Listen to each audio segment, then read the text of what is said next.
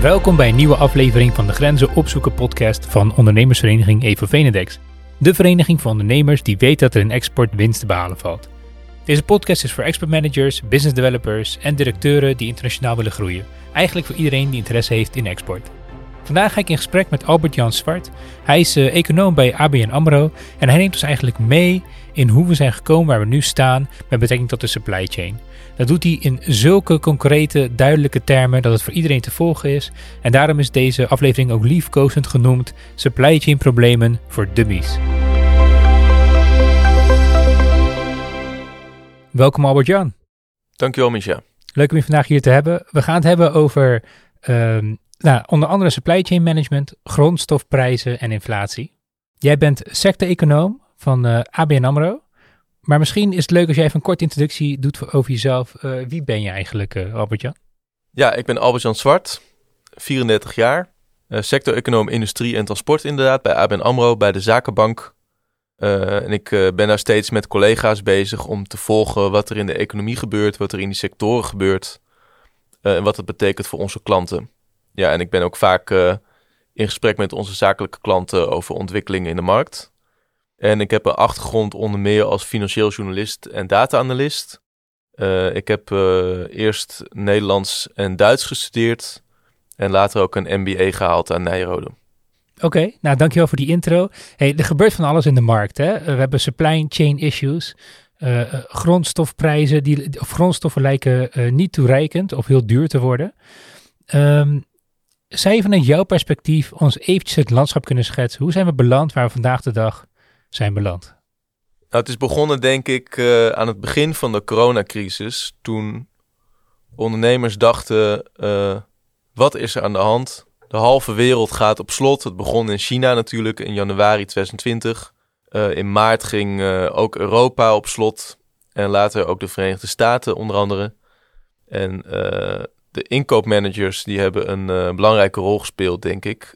want ondernemers dachten, wat is er aan de hand? Het is nog erger dan de financiële crisis. De grootste crisis ooit komt op ons af. Dus we gaan minder inkopen. Nou, dat hebben bedrijven uh, massaal gedaan.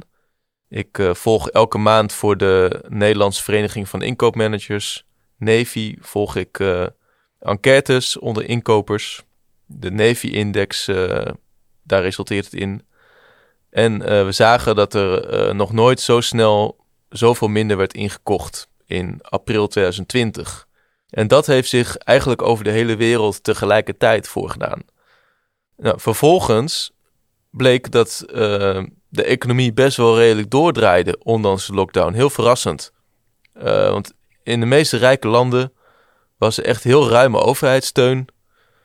Consumenten zaten veelal doorbetaald thuis, al of niet aan thuiswerken. En hebben massaal spullen gekocht. We hebben meer in het Westen meer spullen besteld uit China dan ooit tevoren tijdens corona. Van televisies tot uh, nieuwe laptops, nieuwe telefoons tot meubels en gordijnen.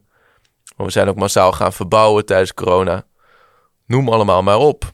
En daarvan zien we ontzettend veel effecten ja, die nog steeds uh, aan de gang zijn. Dus nu al, ja, al bijna twee jaar lang zitten we in die situatie dat er overal gebrek aan is.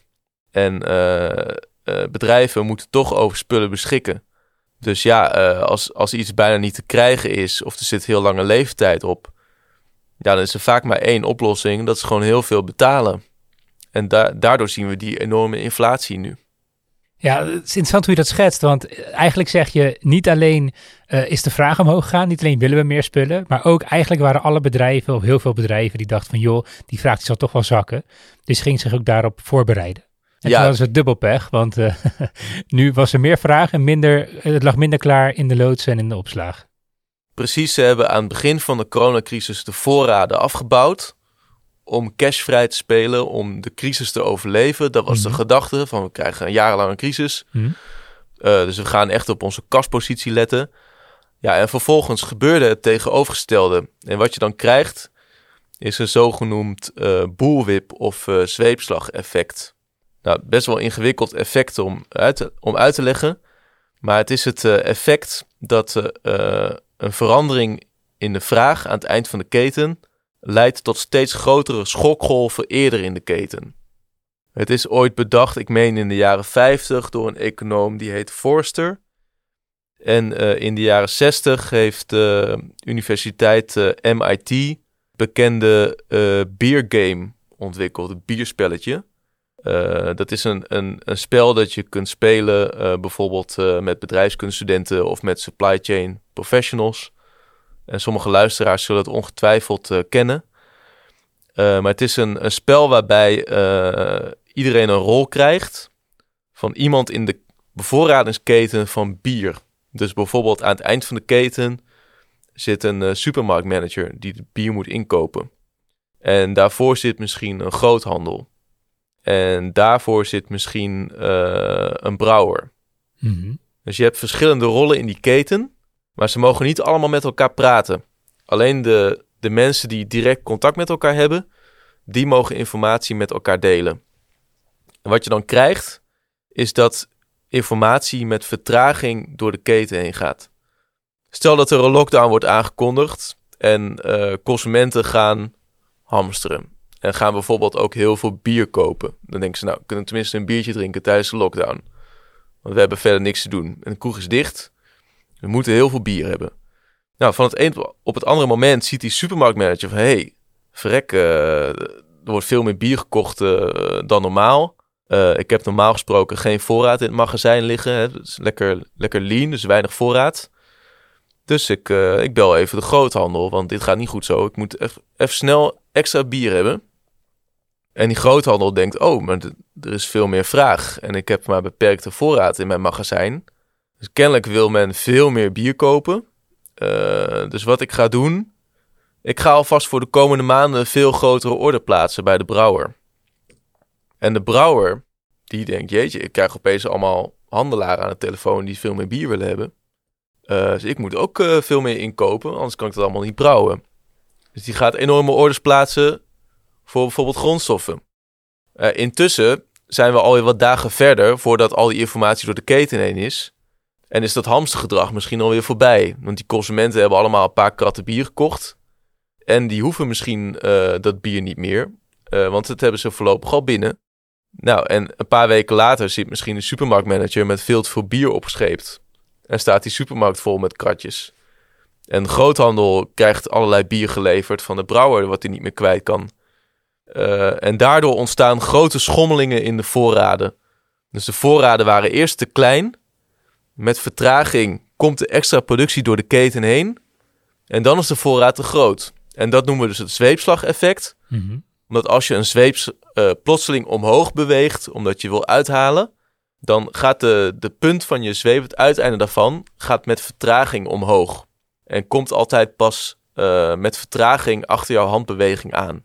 En een ander kenmerk van een zweep is dat hij altijd op en neer gaat. Dus als hij omhoog gaat, en bij een opgaande lijn spreken we van een opslingereffect, dan nemen de voorraden uh, toe of, of er is te weinig voorraad. Maar uiteindelijk gaat de zweep ook weer de andere kant op. En dan zit je misschien met te veel voorraad. En hoe eerder jij in de keten zit, hoe groter die schokgolven. Dus op de grondstoffenmarkten zie je heel grote effecten daarvan. Nou, dat is even heel kort het zweepslageffect. Het is niet, uh, niet een heel complex idee. Maar het, het maakt denk ik goed duidelijk hoe ingewikkeld uh, supply chains eigenlijk zijn door, door zoiets simpels. Wat, wat voor gevolgen dat heeft. Ja, maar je zou denken met zo'n voorbeeld. Nou, allereerst dank voor die uitleg, leuk en informatief. Maar je zou denken dat met zo'n voorbeeld bijvoorbeeld. Uh, ja, waarom wordt dan niet goed gecommuniceerd tussen die verschillende schakels? Ik bedoel, die, die, die, die eerste persoon die ziet dat die, dat die winkelende klant wat meer bier inkoopt.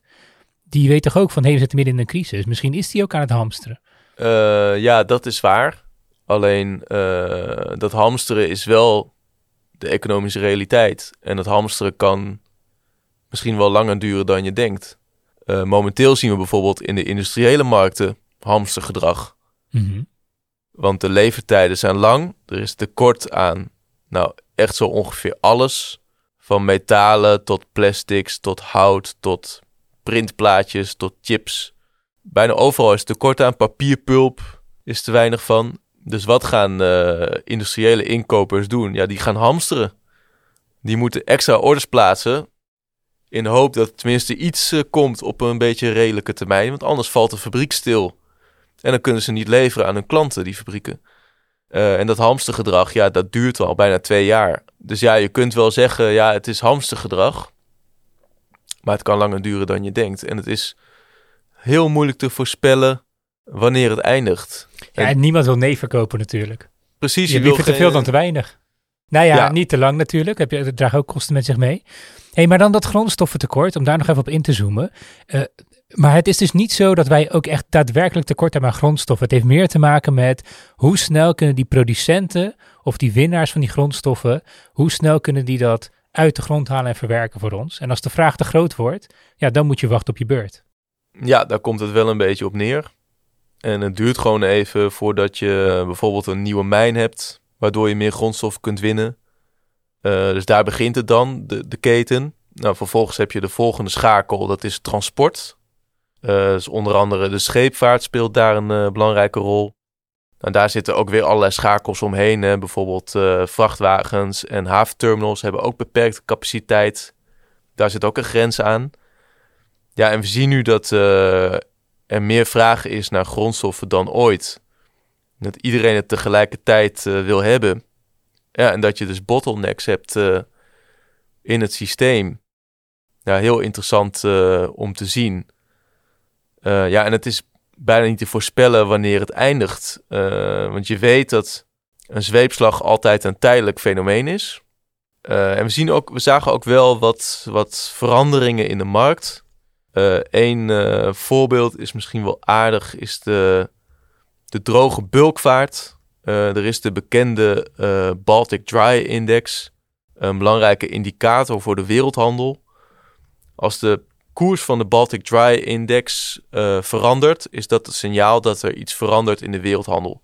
De Baltic Dry Index is een index die wordt samengesteld uit tarieven van droge bulkschepen. Dus dat zijn schepen die grondstoffen vervoeren als uh, graan, uh, metaal, ijzererts, staal, maar ook kolen die je bijvoorbeeld nodig hebt voor kolencentrales en voor hoogovens.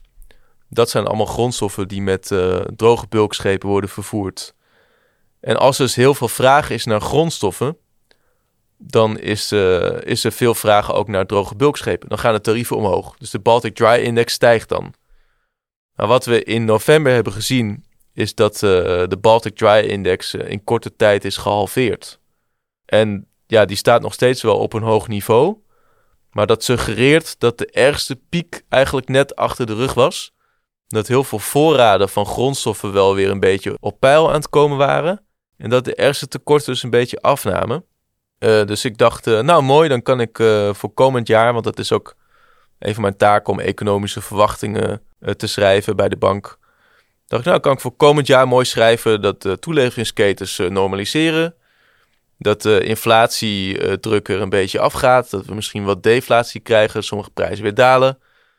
Nou, in, intussen gaan we verder met vaccineren. En uh, nou, ergens volgend jaar is de coronacrisis voorbij en is alles weer een beetje normaal. Dat is eigenlijk wat ik had gehoopt. Ja, en nu hebben we de Omicron-variant. Ja, en nu krijgen we weer waarschijnlijk nieuwe ontregeling van toeleveringsketens. Door lockdowns in uh, Chinese haventerminals bijvoorbeeld. Of in fabrieken in uh, Vietnam, waar allerlei onderdelen vandaan komen. Of in chipfabrieken in Maleisië. Uh, ja, en dat gaan wij dan weer merken bijvoorbeeld in de auto-industrie of in de retail, tekort aan elektronica. Uh, dus ja, in die situatie zitten we nu dat normaliter zou je verwachten dat die zweepslag wel een keer de andere kant op beweegt. En nu is de situatie eigenlijk uh, volkomen onvoorspelbaar. Dus wat gaan bedrijven doen? Die gaan weer hamsteren. Die gaan weer hamsteren, precies. dat denk ik, ja. Hey, en hoe vaak, want het duurt nu twee jaar, deze crisis. Uh, hoe vaak vindt zo'n zweepslag plaats? Verschilt dat per sector? Uh, wat voor frequentie hebben we het hierover? Ja, dat verschilt helemaal per uh, branche. En normaal gesproken heeft elke branche waarschijnlijk een beetje zijn eigen dynamiek. Mm -hmm. bijvoorbeeld als er ergens een oogst mislukt door slecht weer, dan zul je misschien een zweepslag krijgen in bepaalde agri-grondstoffenmarkten. Uh, dus dan heb je een kleine zweepslag specifiek in die markt. Of uh, als er plotseling veel vragen is uh, naar verpakkingen, krijg je misschien een zweepslag in de plastic- en kunststoffenmarkten. En meestal is dat redelijk beperkt en redelijk geïsoleerd. Maar wat we nu zien is dat we een gigantische zweepslag zien in zo'n beetje elke markt die je kunt verzinnen. Hmm. Tegelijkertijd. En de, de ergste bottleneck uh, is nog niet eens zozeer bij de fabrieken of bij de mijnbouw. Ik denk dat daar de, de ergste uh, vertraging wel uh, achter de rug is. Maar de allerergste bottleneck zit in de transportmarkt. Als ik ook kijk naar data van IHS Market, een Britse dataleverancier, die vragen elke maand aan bedrijven over de hele wereld: waar hebt u nou te weinig van op dit moment? Dan zeggen heel veel bedrijven: uh, er is een gebrek aan transportdiensten. Dus ik, uh, ik, heb, ik heb wel goederen besteld, maar er is geen schip om ze te komen brengen. Of ik heb een uh, product gereed, maar er is geen container om het in te exporteren. En dat is op dit moment, denk ik, het allergrootste probleem. Interessant, want hoe, hoe hebben die mijnen dan kunnen opschalen? Hebben die niet hoeven opschalen? Kijk, ik, zowel in de logistiek als bij dat uh, grondstofwinning kan ik me allebei voorstellen dat als jij wil opschalen, dat daar gewoon een wijze lead time aan vast zit. Je bouwt niet even snel een nieuwe mijn. Je bouwt niet even snel een paar miljoen extra vrachtwagens. Ja, klopt. En, en dat is ook een reden dat dit, uh, dat dit al zo lang duurt. En inmiddels worden er wel meer grondstoffen gewonnen. Maar ja, de, we zijn ook in, inmiddels bijna twee jaar verder. Dus mm -hmm. dat klopt. Dat duurt lang. En bij de trucks ja, daar heb je natuurlijk ook een lange uh, lead time. We zien ook dat door de chiptekorten zijn vrachtwagens moeilijk leverbaar. Dus je moet nu ongeveer zeven of acht maanden wachten op een nieuwe vrachtwagen. Waar dat voorheen veel korter was. En een ander goed voorbeeld is de scheepsbouw. Het bouwen van een groot schip, dat kost jaren. En ja, ook daar zien we dat de reders massaal zijn gestopt met het bestellen van schepen aan het begin van de coronacrisis. Want ja, de Chinese industrie ging op slot eind januari 2020. Dat betekent dat ruim een kwart van de mondiale industrie stilviel. En een heel groot deel van de wereldhandel viel helemaal stil. En er voeren dus veel minder schepen. Er werden massaal afvaarten afgezegd. Ja, en er werden dus geen schepen meer besteld. Dus er kwam een enorme crisis in de scheepsbouw. Ja, en uiteindelijk in het najaar van 2020 veerde die markt keihard omhoog. En nu wil iedereen weer een schip hebben. Maar ja, uh, dat kost een paar jaar. En er zijn nu ook nog uh, tekorten aan allerlei onderdelen. Dus waarschijnlijk loopt de leeftijd van zo'n schip op na drie jaar. Dus tegen de tijd dat die schepen er zijn, is corona hopelijk wel echt uh, voorbij. de ergste effecten daarvan. Laten we het hopen. En heb je te veel schepen straks? Uh, ja, dat zou best uh, kunnen. Dus dan heb je een soort varkenscyclus. Door de, door de tarieven gaat men dan meer schepen bestellen om meer geld te kunnen verdienen. En uiteindelijk zijn er dan weer zoveel schepen dat de tarieven instorten. Nou, nu is in de scheepvaart wel iets bijzonders aan de hand. Omdat daar ook verduurzaamd moet worden. Er wordt veel te veel CO2 uitgestoten. Daar zijn nieuwe schepen voor nodig. Maar hmm. dat is een beetje een ander onderwerp. Uh, maar kort gezegd ja, die zweepslag zie je dus e- eigenlijk in elke markt die je kunt verzinnen. En uh, opschalen is niet zo makkelijk. De supply chain klinkt als je het zo schetst, gewoon heel erg inflexibel. Het gaat goed zolang het goed gaat. Het is echt afgestemd op efficiëntie. Ja. Uh, op op tijd leveren, op net, uh, het mag niet te duur zijn allemaal. Je hebt net genoeg schepen nodig om maar net de producten net aan de vraag te kunnen voldoen. Maar als die vraag uh, onverwacht zakt of stijgt, dan is eigenlijk aan beide kanten paniek. Ja, klopt. En we zijn eigenlijk, denk ik, decennia lang verwend met heel veel stabiliteit van supply chains. Weinig ontregeling, weinig grote crisis wat dat betreft. We hebben natuurlijk de financiële crisis gehad. Uh, maar voor de rest uh, ging het allemaal wel behoorlijk soepel. we zagen ook bijvoorbeeld aan de gasprijs dat die al decennia lang heel stabiel was.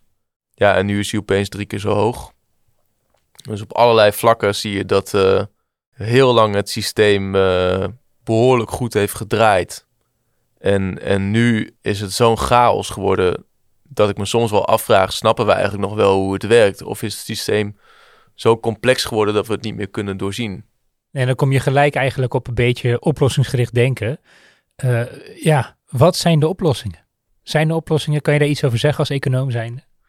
Uh, ja, voor, voor supply chains bedoel je bijvoorbeeld als ja. uh, producent. Um, ja, ik denk dat je niet alleen maar moet optimaliseren voor kosten. En dat is wel decennia lang gebeurd. Uh, ook omdat we er gewend aan, aan waren geraakt dat alles heel stabiel was. Dat schepen altijd in vier weken netjes de spullen kwamen brengen. dat heeft ertoe geleid dat we massaal productie hebben geoffshored. Uh, ook hebben veel bedrijven nog maar één leverancier voor heel veel onderdelen. Dat zien we bijvoorbeeld in de auto-industrie. Daar is een heel beperkt aantal bedrijven dat aan heel veel fabrikanten levert. dat is ook heel lang behoorlijk goed gegaan eigenlijk. Ja, en nu zien we dat er het een probleem is als je maar één leverancier hebt in Vietnam bijvoorbeeld. En daar zijn wat coronabesmettingen, dan is de overheid al snel geneigd om uh, de hele regio dicht te gooien of de fabriek te sluiten tijdelijk. En dan krijg je dus je goederen niet meer. Dus ik denk dat we minder moeten kijken naar alleen maar of het een cent goedkoper kan. En meer naar van ja, wat is eigenlijk de leveringsbetrouwbaarheid? Kunnen we misschien onderdelen van meerdere leveranciers betrekken? Uh, zodat uh, als bij één leverancier iets is, dat die andere misschien kan opschalen. Uh, maar het zal wel hogere kosten met zich meebrengen. En eh, dat is natuurlijk niet voor elk bedrijf geschikt. Sommige bedrijven hebben nu eenmaal een verdienmodel dat ze ja, heel goedkoop leveren. En het is ook niet voor elk product nodig dat het heel betrouwbaar is. Maar wat ik wel ernstig vind, bijvoorbeeld in de, in de farmaceutische uh, industrie. ja, dat er aan het begin van de coronacrisis bijna geen persoonlijke beschermingsmiddelen waren. En dat zorgmedewerkers bijvoorbeeld in verpleeghuizen zonder mondkapje moesten werken. Dat is natuurlijk wel heel ernstig. voor dat soort kritieke goederen zou je eigenlijk willen dat de supply chain zo is ingericht dat die producten wel snel leverbaar zijn. En dat we niet helemaal afhankelijk zijn van een bepaalde fabriek in China bijvoorbeeld, waar je geen controle over hebt. Iets anders wat we hebben gezien is de afhankelijkheid uh, van Europa eigenlijk voor, uh, uh, voor vaccins. Hmm. van een paar landen, van India en China ook vooral, waar die grondstoffen vandaan komen. Ja, we hebben decennia lang productie van medicijnen geoffshored naar India en China.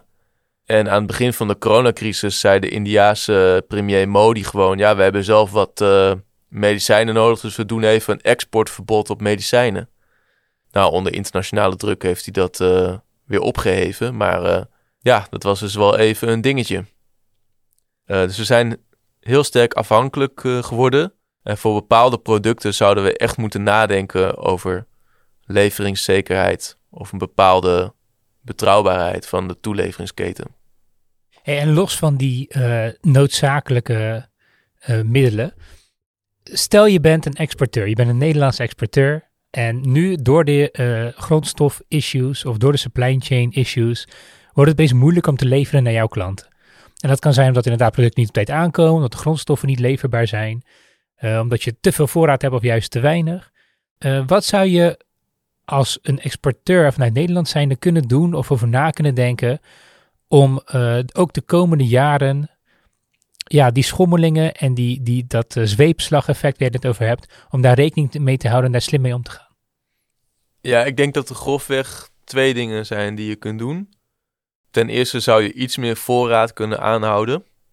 Uh, want we zijn, uh, zoals ja, ik zei... een zweepslag. ja, dan moeten we natuurlijk niet als een gek gaan hamsteren.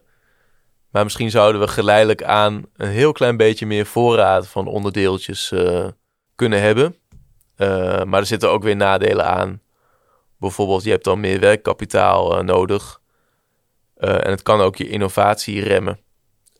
Als je heel veel oude onderdelen hebt liggen en je wil eigenlijk een nieuw product maken. Je hebt die oude onderdelen niet meer nodig, maar je moet die eerst nog opmaken. Dat is natuurlijk heel onhandig. Maar toch, misschien zouden we daar voor sommige onderdelen toch over moeten nadenken. Daarnaast zou je moeten kijken naar zichtbaarheid in de supply chain. Dus je zou eigenlijk moeten weten wat jouw leverancier aan het doen is, hoe het daar gaat. En je zou eigenlijk ook moeten weten uh, wie de leverancier van jouw leverancier is. Want wat veel uh, ondernemingen niet weten, is dat hun leverancier in Vietnam, dat die weer afhankelijk is van iemand in China. Hmm. En die is weer afhankelijk van iemand ergens anders in China. Als je dat niet weet en er gebeurt iets in China, ja, dan kom je misschien weken later pas achter dat je dus niet geleverd krijgt, omdat jouw Vietnamese toeleverancier ook niet geleverd krijgt. En daardoor het product niet kan maken. Dus je zou eigenlijk uh, inzicht moeten hebben in heel veel schakels in de keten, zodat je kunt reageren als er wat gebeurt. Ja, nu heb ik twee dingen genoemd, maar er moet dus eigenlijk nog een derde. Uh, eigenlijk zou je ook uh, moeten kijken, niet zozeer denk ik naar reshoring, want dat is best wel lastig om productie naar Nederland terug te halen. Maar misschien wel naar nearshoring, uh, bijvoorbeeld in Oost-Europa. we zien ook een enorme groei van onder andere de Poolse industrie. Met name sinds 2014 zien we dat veel bedrijven uit Oost-Europa zijn gaan inkopen in plaats van uit Azië. Ik denk dat dat een grote trend is. Door een, paar, door een paar oorzaken. Door heel de regio in Oost-Europa? Of is het echt vooral Polen en de buurlanden? Uh, het is met name Polen, maar het, het spreidt zich uit als een. Uh, het verspreidt zich als een olievlek, denk ik, over Oost-Europa. Dus ook Roemenië straks, Oekraïne. Ja, we zien nou, al in, in, in, Bulgarije onder Bulgarije, andere. Ja. Oekraïne is natuurlijk politiek wat minder stabiel en is geen lid van de EU, Mhm. wat ook weer nadelen heeft. Maar ja, een heel aantal andere landen is denk ik heel aantrekkelijk. En ja, we zien ook dat bijvoorbeeld fabrieken voor elektrische auto's, dat die ook in een land als Bulgarije kunnen worden uh, gebouwd. Omdat Mhm. het gewoon een aantrekkelijke plaats is. Want ja, we zien daar toch relatief veel uh, goedkope arbeid. de lonen stijgen daar snel, maar ze zijn wel veel lager dan in West-Europa. Veel Oost-Europeanen zijn goed opgeleid. Het onderwijs is daar van goede kwaliteit. Dus die mensen zijn ook heel productief. Ze werken vaak hard, arbeidsethos. Ja, en de loonkosten in onder andere China, die waren altijd heel laag, maar die zijn ook heel hard aan het stijgen. Mm. Dus er komt een moment dat het voordeel van lagere loonkosten in China, dat dat niet meer opweegt tegen het nadeel van de lange leeftijd. Want het nadeel is natuurlijk dat je sowieso afhankelijk bent van een schip of van een vrij dure trein of vliegtuig. En als je gebruik maakt van een schip, dan moet je gewoon vier, vijf, zes weken wachten op je goederen. Ja, en als het tegen zit, zoals nu, dan moet je nog langer wachten omdat het schip te laat is. Of omdat je geen container kunt krijgen. Dus ja, op een gegeven moment wegen die uh, lage kosten niet meer op tegen de nadelen die je hebt van produceren heel ver weg. En dan wordt het des te aantrekkelijker om naar Oost-Europa te, ki te kijken. Uh, je, je keten is dan minder kwetsbaar. En je hebt ook een veel snellere uh, time to market. Dus als je een nieuw product maakt, kun je dat veel sneller naar bijvoorbeeld de West-Europese markt brengen. Wat toch een heel grote markt is. Dus ik denk dat uh, nearshoring, ja, wat we eigenlijk sinds 2014 al veel zien, dat dat nog wel eens een versnelling zou kunnen krijgen. Ja, heel interessant. Um, ik moet je een compliment maken. Je bent heel goed in complexe zaken uh, versimpelen en simpel uitleggen. Dus dank je wel daarvoor. Ik denk dat we heel veel topics hebben, hebben besproken en aangekaart. Interessant ook zeker die trend in Oost-Europa. Die ga ik ook in de gaten houden. Je zei aan het begin van het gesprek, het is eigenlijk onmogelijk te voorspellen hoe lang dit nog doorgaat. Hè? Uh, want ja. ook met die uh, inderdaad de mutaties in de coronavirus, je weet niet wat er nog meer op je pad gaat komen. Maar als we vandaag de dag kijken, dus we hebben het over uh, eind 2021. Wat zou, ja, wat zou nu de prognose zijn? Hoe lang duurt dit nog, denk je? Nou, we gingen er eerst van uit dat uh, in de loop van volgend jaar de ergste problemen wel zouden zijn opgelost. Uh, we zagen wat cijfers verbeteren uh, in september en oktober. Bijvoorbeeld tekorten aan halfgeleiders en transportdiensten. Die begonnen wat minder te worden. Nou, ik had het net ook over de Baltic Dry Index, die in november snel daalde.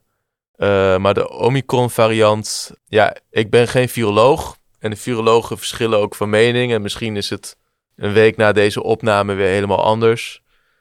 Uh, dus ik denk dat die ontregeling volgend jaar niet zomaar is uh, opgelost. Wat misschien wel een beetje kan afnemen is de enorme inflatie. Ik denk dat het de komende paar maanden nog wel doorgaat.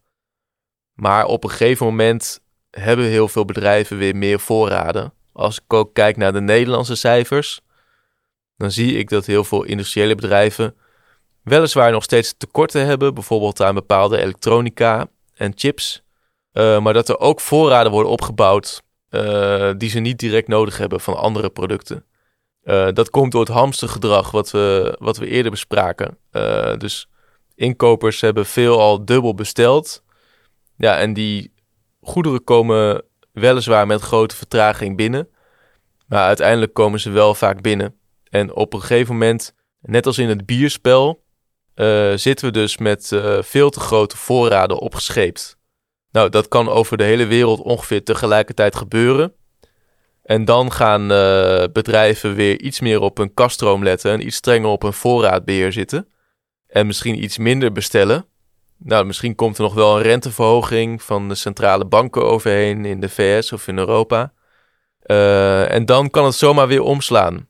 En hmm. misschien zou het toch wel in de loop van 2022 al kunnen zijn dat we toch die zweep langzaam de andere kant uit zien bewegen. Uh, Albert-Jan, ontzettend interessant. Hartstikke bedankt voor dit gesprek. Ik, uh, we hebben heel veel onderwerpen aangekaart, aangestipt. Uh, je hebt me veel stop tot nadenken gebracht. als men jou wil volgen ergens, of misschien met jou, zelfs met jou in contact zou willen komen, hoe kan dat dan en waar vind je dat prettig of waar is dat mogelijk? Ja, dat kan onder andere via LinkedIn. Dus uh, Albert-Jan Zwart op LinkedIn kan iedereen mij een bericht sturen. Dankjewel. Dankjewel.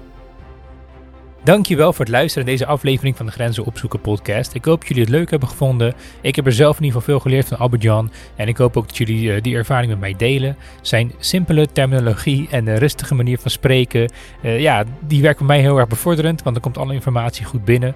Dus ik, ik ben benieuwd hoe jullie erover denken.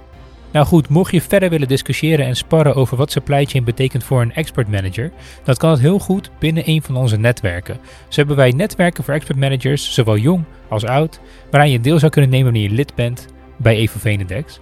Binnen netwerken worden jaarlijks verschillende thema's behandeld, waaronder ook de supply chain problematiek. En er wordt echt gekeken naar, oké, maar wat kan je daar dan mee als expert manager zijnde? En, en hoe moet je daarmee omgaan richting klanten, et cetera, et cetera. Mocht je daar interesse in hebben, zou ik even een linkje daarnaar plaatsen in de omschrijving van deze podcast. En mocht je gewoon contact met mij of met iemand anders van de podcast op willen nemen, zou ik daar ook een linkje voor delen. Wederom, dank voor het luisteren.